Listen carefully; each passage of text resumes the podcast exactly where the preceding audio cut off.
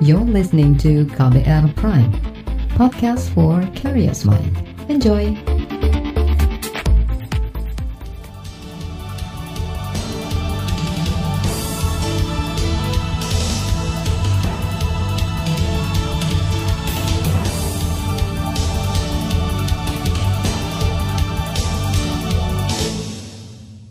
Selamat pagi saudara, senang sekali rasanya saya Reski Mesanto bisa hadir kembali menjumpai Anda pagi hari ini di program Buletin Pagi, edisi Jumat 12 Juni 2020. Pagi hari ini kami telah menyiapkan sejumlah informasi terkini untuk Anda. Di antaranya, gugus tugas jelaskan penyebab melonjaknya jumlah kasus baru positif COVID-19, terdakwa penyerang novel Baswedan hanya dituntut hukuman satu tahun penjara, dan Wali Kota Medan Zulmi Eldin difonis 6 tahun penjara karena kasus suap. Saudara inilah Buletin Pagi selengkapnya.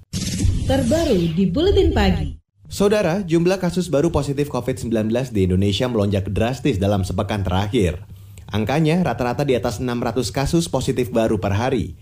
Bahkan selama dua hari berturut-turut terjadi penambahan di atas 1000 kasus per hari. Juru bicara pemerintah untuk penanganan COVID-19 Ahmad Yuryanto mengatakan, untuk 24 jam terakhir terjadi penambahan kasus positif sebanyak 979 orang.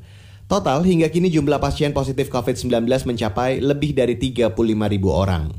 Total sampai dengan hari ini yang kita periksa adalah sebanyak 463.620 spesimen. Dari pemeriksaan sebanyak ini kita mendapatkan data konfirmasi positif COVID-19 sebanyak 979. Sehingga total sekarang ini akumulasi kasus positif kita menjadi 35.295 orang. Juru bicara pemerintah untuk penanganan COVID-19 Ahmad Yuryanto menambahkan, Tingkat sebaran kasus baru antara lain Jawa Timur, Sulawesi Selatan, dan DKI Jakarta. Sedangkan kasus pasien sembuh bertambah 500 orang menjadi total 12.000 orang sembuh. Sedangkan kasus kematian naik menjadi total 2 ribuan orang meninggal. Sehari sebelumnya, Presiden Joko Widodo mengunjungi kantor gugus tugas percepatan penanganan COVID-19 di Geraha BNPB Jakarta. Jokowi memperingatkan wabah virus corona masih ada, ia juga meminta semua mewaspadai ancaman penularan COVID-19 gelombang kedua.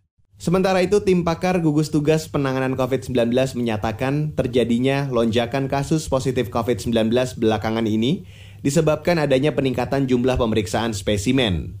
Ketua tim pakar Wiku Adisasmito mengatakan, kenaikan kasus yang drastis hingga seribu orang per hari tidak bisa dikaitkan dengan aktivitas masyarakat yang kini mulai meningkat dengan adanya pelonggaran pembatasan sosial berskala besar atau PSBB. Karena active case finding, jadi mencari uh, apa pengetesan yang lebih banyak. Otomatis kalau mencari tes yang lebih banyak, kasusnya pasti akan naik. Kalau di, di bersamaan dengan aktivitasnya yang meningkat, ya potensinya naik juga besar.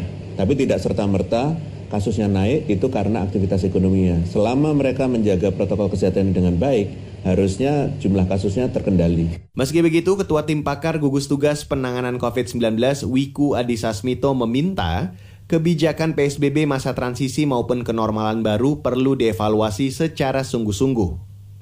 Saudara, hampir sepekan penerapan PSBB masa transisi ataupun kenormalan baru di beberapa daerah terdapat peningkatan kurva kasus positif baru. Dalam dua hari terakhir terjadi tambahan mencapai lebih dari seribu kasus baru per hari.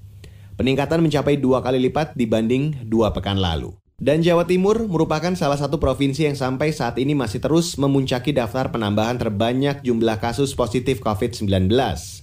Koordinator Tim Kuratif Gugus Tugas Percepatan Penanganan COVID-19 Jawa Timur, Joni Wahyu Hadi mengatakan, rate of transmission atau tingkat penularan virus corona di kota Surabaya masih tinggi, yaitu di angka 1,1.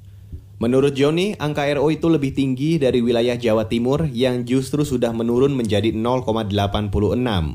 Dengan kondisi seperti itu, menurut Joni, laju penambahan penularan kasus baru pada minggu depan diperkirakan masih akan terus terjadi. Rate of transmission-nya kita lihat yang tadi RT-nya, kalau Jawa Timur 0,86, artinya kalau Jawa Timur 0,86 nggak ada baik-baik diharapkan dua minggu seminggu atau dua minggu itu sudah turun kasusnya karena di bawah satu itu berarti tidak akan mereplikasi yang sama banyaknya dengan minggu lalu ya kalau pasiennya cuma satu rate-nya itu kurang dari satu ya habis minggu depan Ini 0,86. Sebetulnya prospektif Jawa Timur. Surabaya 1,1, Surabaya Raya 1,2, 1,1. Jadi pasti tambah. Koordinator Tim Kuratif Gugus Tugas Percepatan Penanganan COVID-19 Jawa Timur, Joni Wayu Hadi menambahkan, penambahan kasus virus corona di Surabaya juga paling banyak atau mencapai 59,8 persen per pekan. Hingga kemarin, kasus positif COVID-19 di Jawa Timur mencapai lebih dari 7.100 orang. Angka kesembuhan mencapai lebih dari 1.700 orang dan angka kematian 533 orang. Saudara ahli epidemiologi dari Universitas Indonesia Pandu Riono menyarankan otoritas kesehatan memperluas kontak tracing atau pelacakan kasus COVID-19. Pandu menyebut penambahan jumlah kasus dalam beberapa hari terakhir yang sudah menembus angka 1000 orang per hari merupakan rekor tertinggi sejak pengumuman kasus virus corona pertama di Indonesia pada Maret lalu.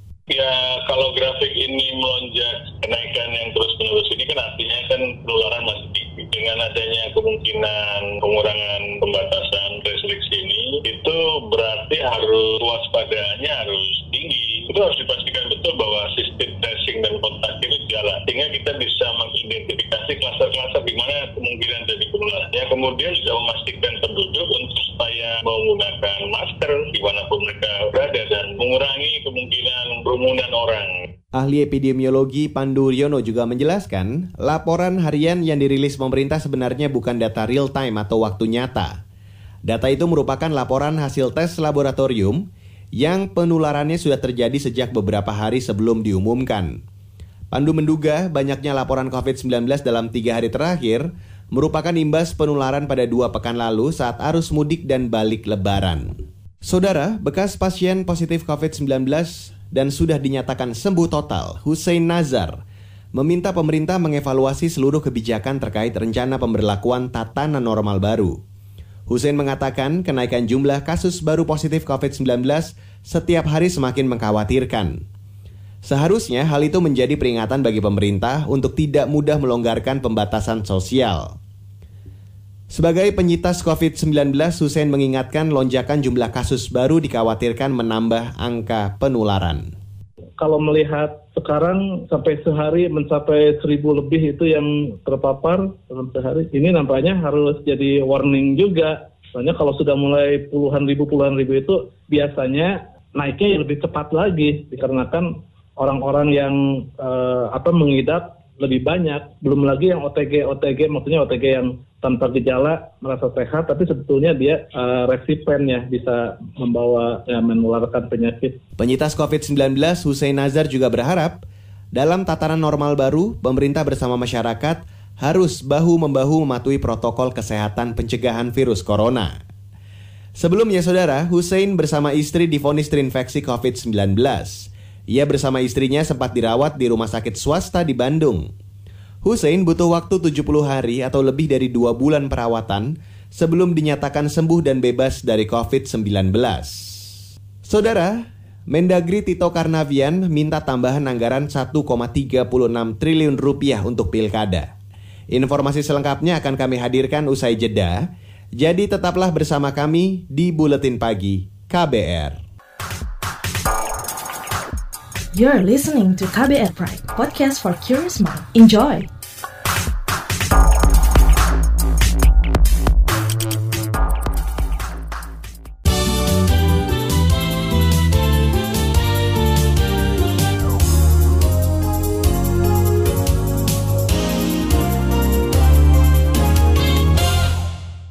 Kementerian Dalam Negeri meminta tambahan anggaran 1,4 triliun rupiah untuk penyelenggaraan pemilihan kepala daerah atau pilkada serentak tahun ini. Menteri Dalam Negeri Tito Karnavian menyebutkan, sebelumnya total anggaran pilkada tahun ini 14 triliun rupiah. Sebanyak 5 triliun rupiah sudah dicairkan sebelum terjadinya wabah COVID-19. Sedangkan sisanya 9 triliun rupiah dibekukan usai Komisi Pemilihan Umum atau KPU memutuskan mengundur jadwal pilkada dari April ke Desember 2020. Sehingga kami lihat dari uh, akumulatif total untuk pusat memerlukan tambahan 391 miliar dan daerah 1,02 triliun. Totalnya untuk pusat dan daerah dari APBN memerlukan tambahan 1,411 triliun, 1,4 triliun lebih kurang. Namun ini belum masuk data dari sisa 66 daerah lainnya. Jadi masih terus kami komunikasikan. Menteri Dalam Negeri Tito Karnavian mengatakan, dari tambahan dari APBN yang diusulkan itu, sebesar 1,02 triliun rupiah nantinya akan diperuntukkan bagi KPU daerah, Bawaslu daerah untuk anggaran pengamanan. Sedangkan sisanya untuk KPU pusat, Bawaslu pusat dan Dewan Kehormatan Penyelenggara Pemilu atau DKPP. Sementara itu, Saudara Menteri Keuangan Sri Mulyani Indrawati mengabulkan tambahan anggaran tahap pertama sebesar 1,02 triliun rupiah kepada Komisi Pemilihan Umum atau KPU. Tambahan anggaran itu akan digunakan untuk pilkada serentak tahun ini. Menteri Sri Mulyani menyebutkan tambahan anggaran itu diajukan oleh KPU melalui surat Ketua KPU dengan total kebutuhan anggaran tambahan sebesar 4,77 triliun rupiah. Anggaran itu akan diberikan kepada 270 KPU di provinsi, kabupaten, dan kota. Pencairan dana tambahan akan dilakukan dalam tiga tahap. Nah kami di dalam rangka mendukung ini keseluruhan proses pilkada sesuai yang sudah diputuskan secara politik, maka kami memutuskan untuk memberikan yang tahapan atau sebesar satu triliun seperti permintaan yang ada dalam KPU ini dengan harapan ini tidak membuat proses yang menurut KPU atau menurut Kemendagri juga bahwa tahapan awal dimulai 15 Juni sehingga jangan sampai kemudian tidak ada keputusan uh, karena kemudian tahap awalnya meleset.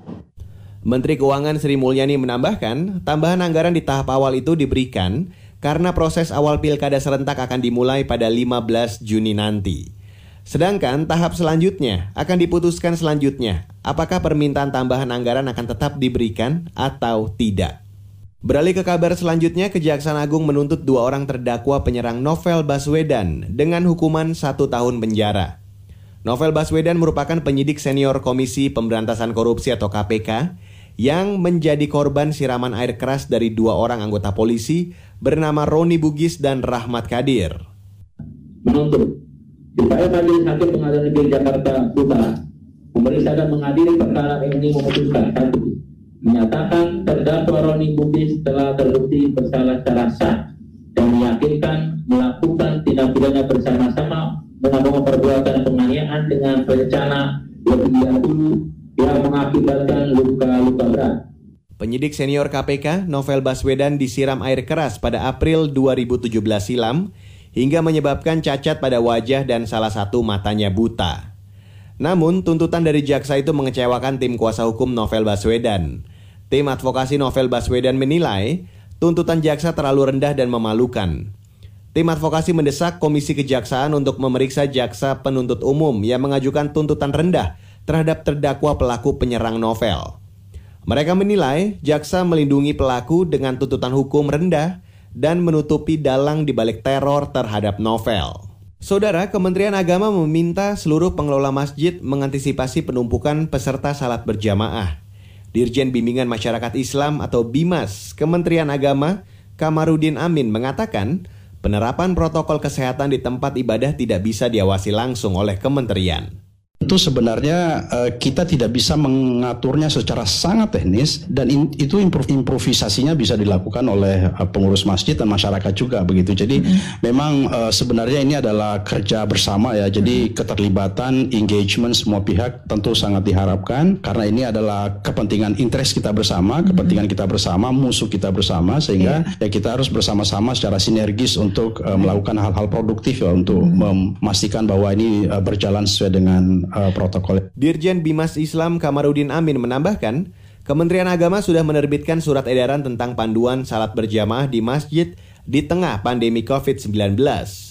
Di dalamnya terdapat sejumlah pedoman kesehatan seperti jaga jarak saat melaksanakan salat berjamaah, termasuk aturan pelaksanaan salat Jumat berjamaah agar bisa mencegah penularan virus corona. Sekarang saya ajak Anda ke mancanegara. Informasi kali ini datang dari Amerika Serikat di mana jumlah pengangguran baru di Amerika Serikat terus bertambah akibat wabah COVID-19. Departemen Tenaga Kerja Amerika Serikat melaporkan, dalam sepekan terakhir ada 1,5 juta orang pekerja yang mengajukan permohonan mendapatkan tunjangan pengangguran. Sejak pertengahan Maret hingga kini, jumlah pengangguran yang mengajukan permohonan dana tunjangan mencapai 44 juta orang.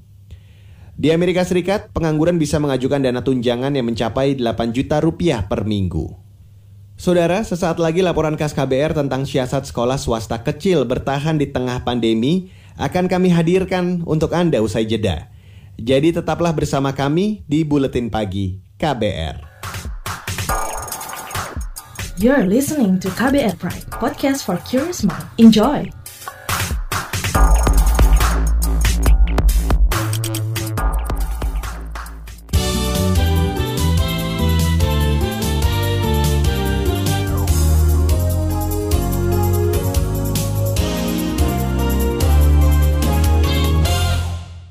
Terima kasih Anda masih mendengarkan Buletin Pagi yang dipersembahkan oleh kantor Berita Radio edisi hari ini 12 Juni 2020. Sekarang waktunya saya untuk mengajak Anda mendengarkan laporan khas KBR. Saudara, sekolah-sekolah swasta kecil harus bersiasat agar tidak gulung tikar di tengah pandemi. Apalagi peserta didik mereka mayoritas dari kalangan menengah ke bawah yang ikut terpukul secara ekonomi. Simak cerita beberapa pimpinan sekolah swasta meracik strategi bertahan di tengah krisis. Laporannya akan dibacakan Astri Yuwanasari. Dera Nugraha dipaksa memutar otak agar sekolahnya sanggup bertahan di tengah pandemi COVID-19.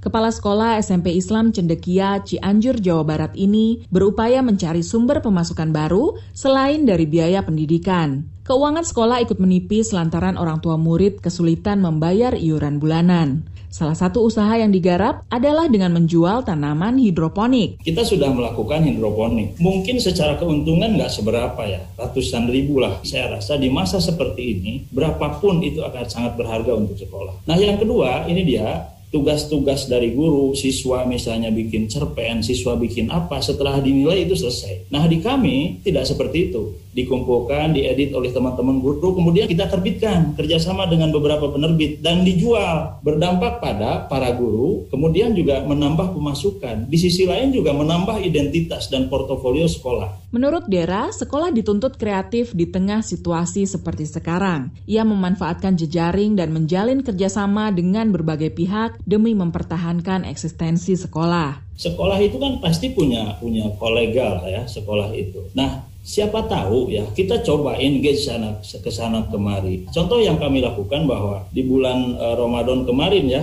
kita uh, alhamdulillah mendapatkan donasi dari salah satu mitra kita ya, salah satu perbankan kita. Kita dapat uh, apa bantuan laptop ya, laptop senilai 30 juta. Jadi beberapa laptop saya rasa itu membantu. Dera memastikan kualitas layanan pendidikan tetaplah yang utama di tengah upaya mencari sumber pemasukan. Kapasitas para guru terus ditingkatkan, khususnya dalam penggunaan teknologi. Selain itu, sekolah juga tengah menggodok sistem pembelajaran untuk mengantisipasi berlanjutnya kebijakan sekolah dari rumah. Kami mengumpulkan generasi-generasi milenials yang memang advance dalam education technology. Kita lakukan training secara internal sehingga kami menyusun platform apa saja yang akan kita gunakan, kemudian sejauh mana kesiapan kita dan bagaimana dampaknya terhadap orang tua. Karena kemungkinan ini akan panjang, online itu diperpanjang, maka kami membuat LMS, ya Learning Learning Management System sekolah. Ini insya Allah akan dirilis di bulan Juli. Ini yang akan membedakan. Madrasah Ibtidaiyah MI Tunaskarya Jakarta Barat mengoptimalkan dana bantuan operasional sekolah untuk bertahan di tengah pandemi. Seluruh keperluan murid dalam kegiatan belajar mengajar juga dipenuhi dengan dana itu. Hal ini mengingat hampir seluruh anak didik berasal dari kalangan menengah ke bawah yang ikut terhantam pandemi.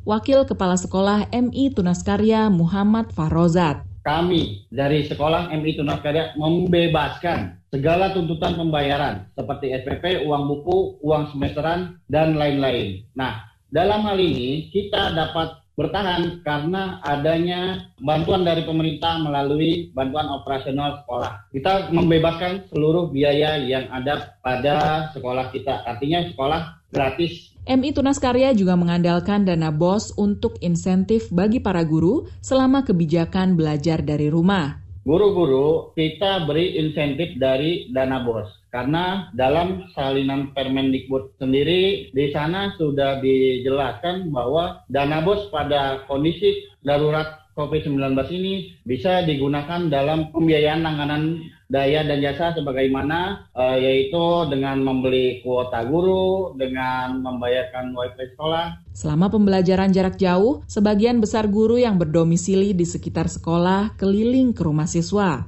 Mereka melakukan pengajaran secara langsung bagi para siswa yang sulit mengakses belajar daring karena tak punya gawai. 10 guru berdomisili di dalam kecamatan kami. Nah, dari 10 guru ini akan turun ke bawah, turun ke rumah-rumah siswa untuk melaksanakan pembelajaran. Untuk seluruh siswa yang tidak mempunyai gawai atau tidak dapat mengakses pembelajaran jarak jauh ini. Tentunya dengan protokol kesehatan yang ada, sehingga siswa-siswi yang tidak melakukan PJJ dikarenakan tidak mempunyai HP bisa terakomodir. Di masa penerimaan siswa baru, MI Tunas Karya tetap berusaha menarik minat minat peserta didik. Caranya dengan memberikan insentif berupa pembebasan biaya pendaftaran, uang gedung hingga seragam. Selain itu, mereka membidik calon murid dari lingkungan sekitar karena sudah mendapatkan kepercayaan masyarakat. Hampir 80% output kita masuk ke sekolah negeri ataupun yang di sini bisa dibilang favorit. Itu yang kita jual keluar. Nah dengan itulah kita bisa menarik animo masyarakat sekitar yang memang kondisi ekonominya di bawah rata-rata juga. Kami di sini lingkungan terletak sekolah kami di lingkungan masyarakat. Kita berbaur dengan masyarakat. Insya Allah masyarakat percaya kepada kita anaknya untuk mensekolahkan anaknya di sekolah kita. Demikian laporan tim KBR, saya Astri Yuwanasari. Saudara, informasi dari daerah akan kami sajikan sesaat lagi usai jeda. Jadi tetaplah bersama kami di Buletin Pagi KBR. You're listening to KBR Pride, podcast for curious mind. Enjoy!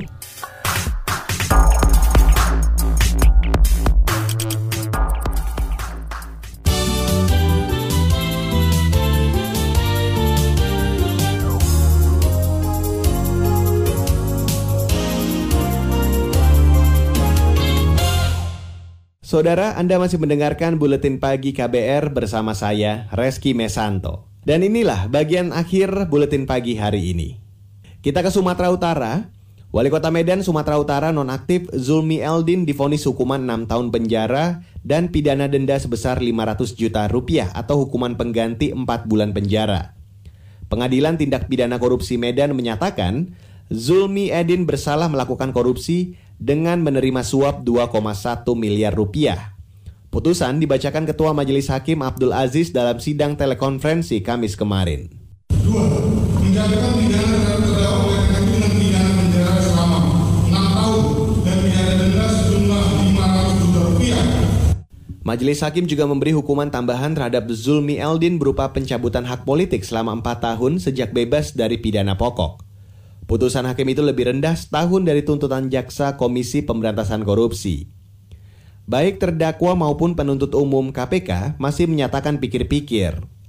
Zulmi Eldin didakwa menerima suap dari lebih dari 20 pejabat setingkat eselon 2 senilai 2,1 miliar rupiah di Medan. Suap itu diduga agar terdakwa mempertahankan jabatan mereka. Zulmi terkena operasi tangkap tangan KPK pada Oktober tahun lalu Sejumlah kepala dinas jadi tersangka pemberi suap. Sekarang kita ke Jawa Barat. Pemerintah Provinsi Jawa Barat melakukan berbagai langkah untuk mencegah adanya gelombang kedua pandemi COVID-19.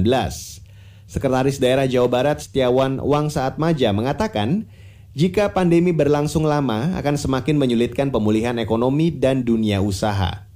Setiawan mengatakan, untuk mempercepat penanganan COVID-19, Pemerintah daerah menyiapkan lima tahapan new normal atau adaptasi kebiasaan baru. Nah, oleh karena itu, Jawa Barat mempunyai lima tahapan uh, adaptasi kebiasaan baru. Gitu ya. Yang pertama adalah rumah ibadah terlebih dahulu, dan ini pun dengan diawasi dengan betul-betul uh, apa namanya protokol COVID-19 ini betul-betul kita awasi.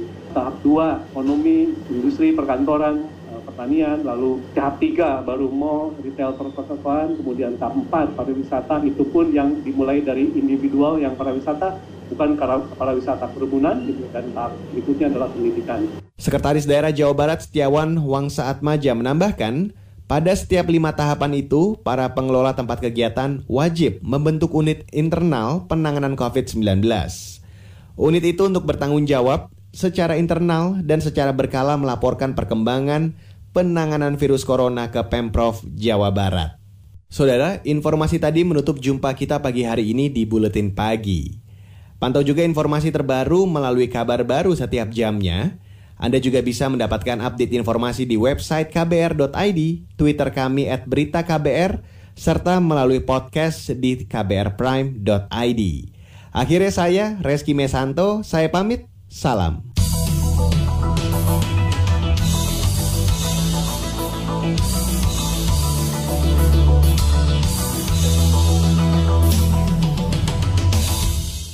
KBR Prime, cara asik mendengar berita.